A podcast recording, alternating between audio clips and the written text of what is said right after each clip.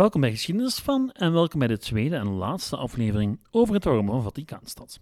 Vorige week hadden we nog over de tijd toen pausen zich koningen waanden en een territorium bij elkaar probeerden te veroveren, waarover ze dan ook heersten als een echte middeleeuwse vorst.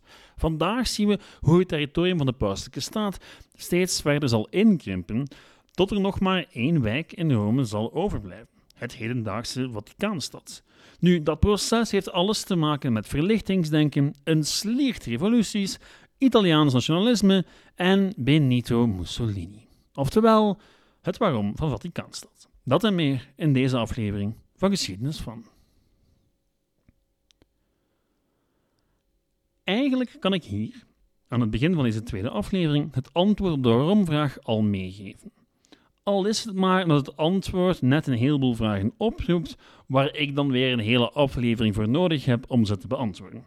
Het antwoord op de vraag waarom bestaat Vaticaanstad is simpelweg Italië. Omdat een heleboel mensen op een bepaald moment besloten dat er zoiets bestaan moest als Italië, moest de paus uiteindelijk wijken als wereldlijk vorst, als heerser van Rome en genoegen nemen met Vaticaanstad. Geloof het of niet, Italië is een relatief recent fenomeen. Dat lijkt niet zo, maar in feite is België 30 jaar ouder. En België heeft eigenlijk een langere gemeenschappelijke voorgeschiedenis. Wat vandaag België is, was al sinds de 15e eeuw min of meer een geheel onder dezelfde heerser. Ja, die heersers wisselden af en toe, net als de manier waarop er geheerst werd. Maar of het nu Bourgondiërs, Spanjaarden, Oostenrijkers of Nederlanders waren, wat nu België is, resideerde tegen 1830 al eeuwenlang onder dezelfde vorst. Wat bij de Italianen bij hun eenmaking al zo wat geleden was van de Romeinen. Wel, strikt gezien de Ostrogoten, maar dat scheelt maar een eeuw. Nu, ik loop wat vooruit op de zaken. Terug naar waar we vorige week gebleven waren, de 16e eeuw. In die 16e eeuw was er nog lang geen sprake van Italië. Het bestond als een streek, maar politiek was het immens verdeeld al waren er heel wat entiteiten die probeerden om macht uit te oefenen in Italië. De paus, zeker, vanuit Centraal, Centraal Italië probeerde die een eigen rijkje op te bouwen. Je had natuurlijk de Franse koning, de Oostenrijkse keizer. Nu, aan het einde van de 16e eeuw hebben de ambities van de paus heel wat klappen gehad. Maar hij bezat wel nog heel wat territorium in Italië. In de 17e en 18e eeuw kwam daar zelfs nog wat bij heel Centraal-Italië en wat territorium meer naar het noorden toe, met historische steden als Ravenna, Ferrara en Bologna. Oh, en Avignon was er ook nog, een soort van vreemdsoortige reliek. Tegen eind de 18e eeuw was heel het idee van de kerk als een machtig instituut wel volledig achterhaald. Want niet alleen begon men te twijfelen aan de macht van de kerk, het idee dat ze haar eigen land moest beheersen en ook de wereldlijke autoriteit kon uitoefenen, ja, daar werd toch steeds meer aan getwijfeld. Of in elk geval toch aan getwijfeld door Franse filosofen en Franse revolutionairen.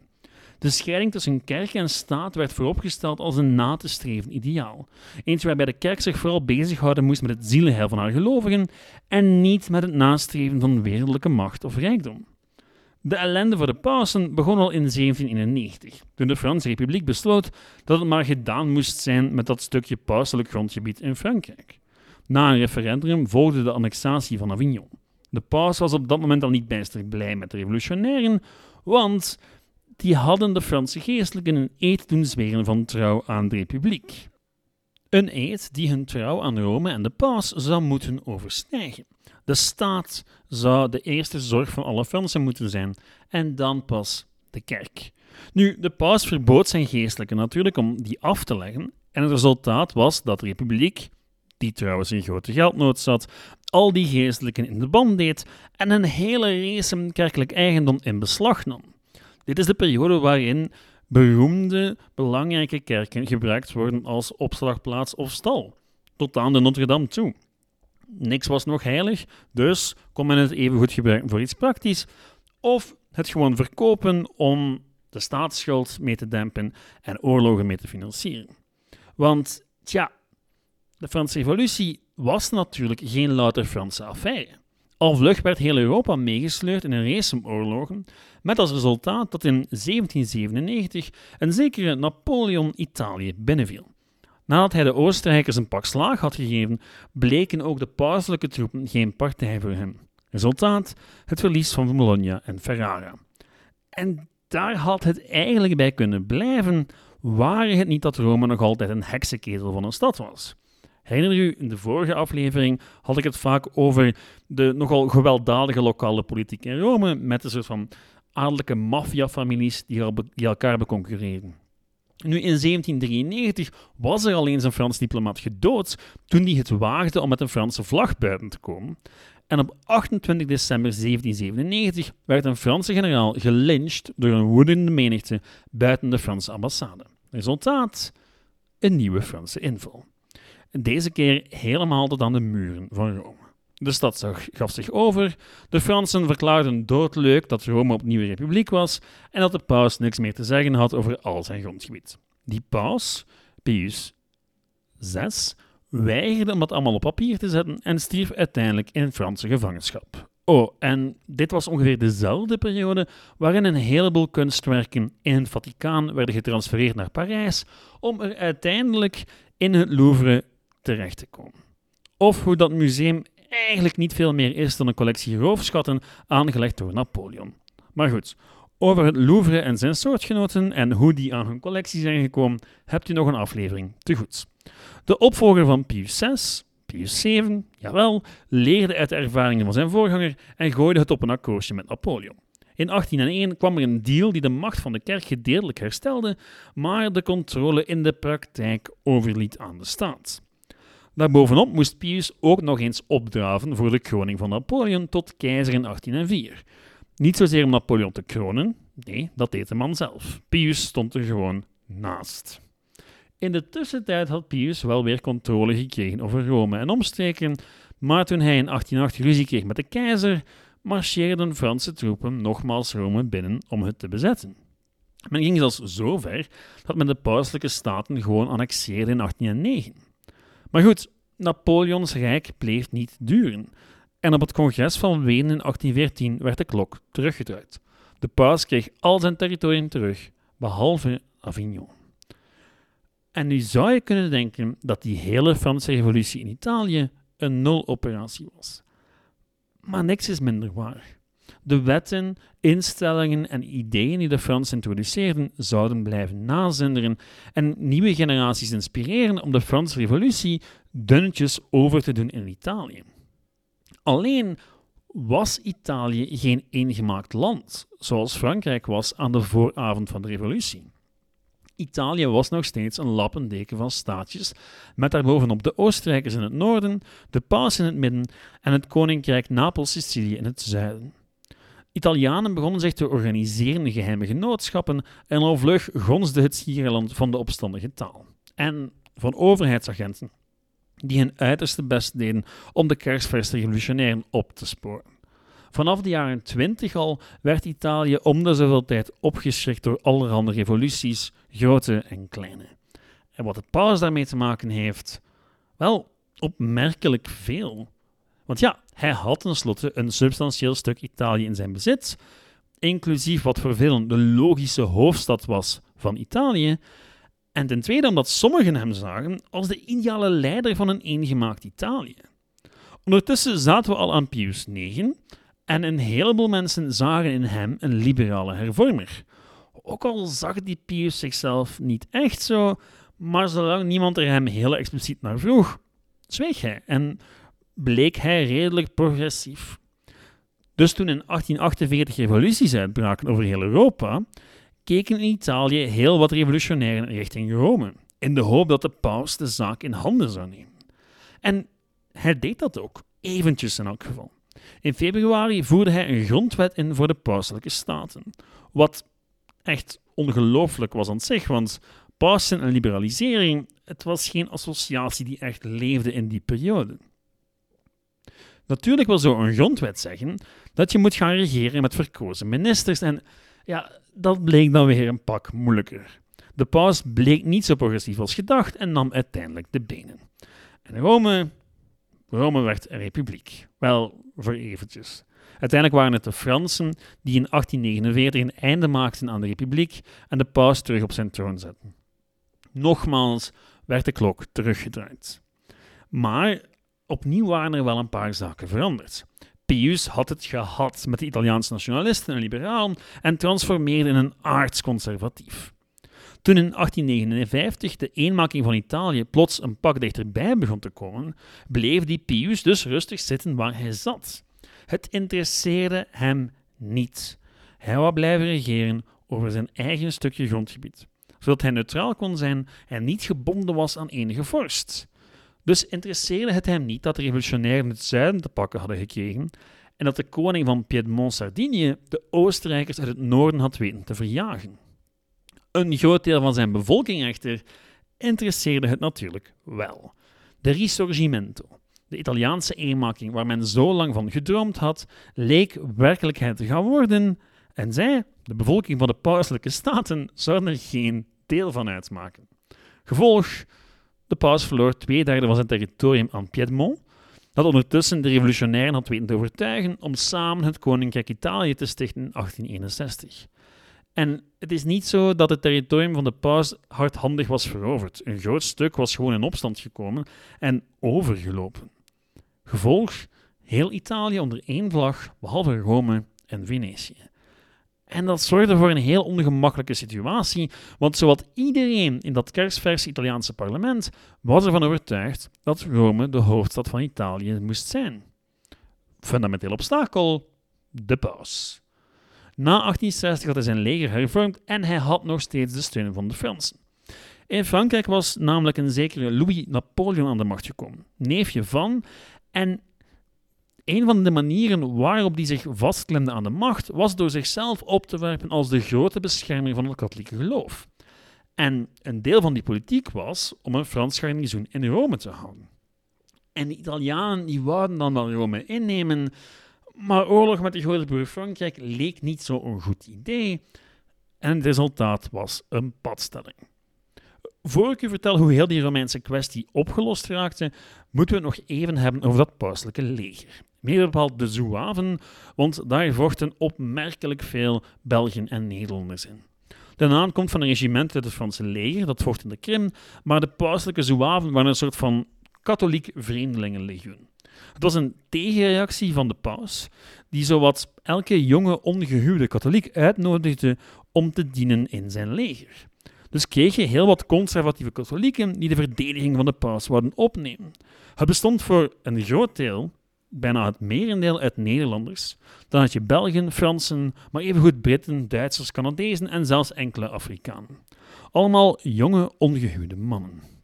Naast de Zouaven had je nog de Zwitserse garde en al bij al was het een relatief degelijk legertje, maar nooit opgewassen tegen grote professionele legers. En zonder de hulp van de Fransen was Rome al lang gevallen. Maar goed, terug naar de Romeinse kwestie. Er waren wel wat pogingen van Italiaanse nationalisten om de stad in handen te krijgen, maar Rome hield stand. In 1870 echter werd de politieke status quo in Europa op zijn kop gezet door iets dat op het eerste zicht niets te maken heeft met Rome. 1870 was immers het jaar van de Frans-Perzische oorlog en de uitroeping van het Duitse keizerrijk. Niet alleen betekende dat dat er rekening gehouden moest worden met het Duitse keizerrijk als grootmacht, maar evengoed dat in Frankrijk een zekere Napoleon niet langer aan de macht was en dat Frankrijk dus niet meer zo geïnteresseerd was in het lot van Rome. En de Italianen, wel, die zagen een kat schoon. Al probeerde het eerst nog op diplomatieke wijze. Want ja, voor een redelijk katholiek land, om de paus militair te gaan aanvallen, is toch niet zo diplomatisch. Dus bood de Italiaanse staat de paus een jaarbudget aan, pensioenen voor al zijn ambtenaren enzovoort en zo verder. Maar het was niet genoeg. Want paus Pius IX, nog altijd dezelfde als in 1848, wou van geen wijken weten. In juli van 1870 bevestigde het Eerste Vaticaanse Concilie zelfs de onfeilbaarheid van de paus. Van koppigheid gesproken. Ik bedoel, Rome stond op het punt om aangevallen te worden door een leger en net op dat moment besloot de paus en zijn kardinalen om de onfeilbaarheid van de paus te benadrukken. Maar het was vechten tegen de bierkaai. De paus die territorium had, wereldlijke macht had, was een concept waar nog maar weinig mensen echt voor open stonden. Ja, er waren radicalen zoals de Zouaven, maar in Italië over het algemeen was men nog wel katholiek, maar het echt steunen van de paus is nog wel iets anders. Dus werd op 18 september het bevel gegeven voor een aanval op Rome en rukte het Italiaanse leger op naar de Aureliaanse muren. Jawel, de Aureliaanse muren, als in gebouwd door keizer Aurelius tussen 271 en 275 na Christus. Dat waren de muren die in 1870 het pauselijke Rome moesten beschermen tegen moderne artillerie. Wel, die muren en de Zwitserse garde en de Zouaven. In totaal iets van een 13.000 soldaten en muren uit de Romeinse keizertijd tegenover een Italiaans leger van 50.000 man.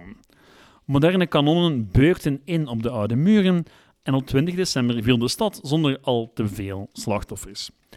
Maar goed, met de inname van Rome was de kous niet af. Het pauselijke leger werd ontmanteld en alle buitenlandse soldaten werden gerepatrieerd, maar de paus zelf, ja, die ging nergens heen. Die zat in het Vaticaan, koppig, weigerend om toe te geven. Wat de Italiaanse overheid heel wat koppijn bezorgde, want ja, heel katholiek Europa was niet te spreken over de verovering van Rome. De overheid hield dan maar een referendum waar de Romeinen zelf hun voorkeur konden laten blijken voor de eenmaking met Italië. En dat deden ze massaal. En dan nog wou Pius zijn claims op Rome en omstreken niet laten varen. De overheid deed allerhande voorstellen, maar de paus bleef weigeren. Het ging hem niet alleen om het verlies van dat grondgebied, om het verlies van de wereldlijke macht. Hij besefte dat het moeilijker zou worden voor de paus om zich neutraal op te stellen als hij toegaf dat hij onderworpen was aan de autoriteit van de ene of de andere staat. Beter dus om staalhard te blijven ontkennen dat zoiets als de Italiaanse staat ook maar enig recht van spreken had. Decennia lang, ook lang na Pius IX, weigerden de pausen om de soevereiniteit van Italië te herkennen. En dat zorgde voor heel wat ongemak. De koning zat in één paleis, de paus in een ander, en buitenlandse diplomaten deden hun uiterste best om geen van beiden boos te maken door contact te hebben met de ander. Dat paleis van de koning was trouwens een oud paleis van de paus, het Quirinaal. En gelooft of niet, volgens de overlevering zou de Italiaanse overheid paus Pius IX zelfs om de sleutels gevraagd hebben, die, wat minder beleefd, geweigerd zou hebben. Hij weigerde trouwens ook om Rome te verlaten. De pausen zouden blijven in een soort van zelf opgelegde gevangenschap in het Vaticaan. En die situatie zou bijna 60 jaar aanslepen en enkel en alleen opgelost worden door Benito Mussolini. Jawel, Benito Mussolini, de grondlegger van het Italiaanse fascisme, is een van de hoofdverantwoordelijken voor het ontstaan van het hedendaagse Vaticaanstad. Mussolini wou een einde maken aan het hele gedoe. Italië moest één en ondeelbaar zijn. Alles wat interne spanningen opwekte, moest aangepakt worden, vooraleer Italië zijn rol op het wereldtoneel kon opeisen. Een oplossing voor het Romeinse vraagstuk? Vaticaanstad. Een klein stukje Rome, rond het pauselijke paleis, waar de paus nog steeds wereldlijk heerser was, onafhankelijk van Italië en de Italiaanse staat. In ruil zag de paus af van zijn aanspraak op de oude pauselijke staten, kreeg een pak geld en onmiddellijk werd ook de relatie geregeld tussen Vaticaanstad en de Italiaanse staat. Vaticaanstad zou elke Italiaanse wet automatisch aannemen, zodat er geen problemen konden ontstaan waar iets in de ene wijk van Rome legaal was en in die andere speciale wijk niet, of waarom je ook perfect met euro's kan betalen in Vaticaanstad. De regeling werd hier en daar wat aangepast met de tijd. Zo werd in het originele verdrag het katholicisme bevestigd als de enige erkende en gesteunde religie in Italië. Maar het principe blijft op de dag van vandaag hetzelfde. De paus is de baas van zijn eigen land, ook al ligt dat te midden van een ander land. Wat is nu op het einde van de rit het waarom van Vaticaanstad? Wel, kort samengevat, een langzame maar zekere verandering van hoe gekeken werd naar de relatie tussen kerk en staat en het compromis dat er een definitief einde aan maakte. Waar het op een bepaald moment doodnormaal geworden was dat een kerkelijk leider het hoofd van een staat was, werd dat idee steeds moeilijker om in stand te houden in de loop van de 18e en 19e eeuw. Vaticaanstad is het laatste restant van een traditie die meer dan duizend jaar teruggaat. Een herinnering aan wat was, maar waarschijnlijk nooit meer zal zijn. Aan de tijd toen pausen nog koningen waren en niemand dat vreemd vond. Goed, dat was het wat Vaticaanstad betreft. Er is nog veel meer te vertellen over de geschiedenis van de paus en de katholieke kerk, maar dat zal voor een andere keer zijn. Bedankt voor het luisteren en tot volgende week. Dan pakken we opnieuw een historische figuur aan, deze keer de bekendste Romein van allemaal, Julius Caesar. Want waarom is hij eigenlijk zo bekend en verdient hij al die roem eigenlijk wel? Dat is voor volgende week. Met vragen en opmerkingen kan u zoals altijd terecht op het e-mailadres geschiedenisvan.outlook.be, de Facebookgroep of de website Geschiedenis van. Ciao!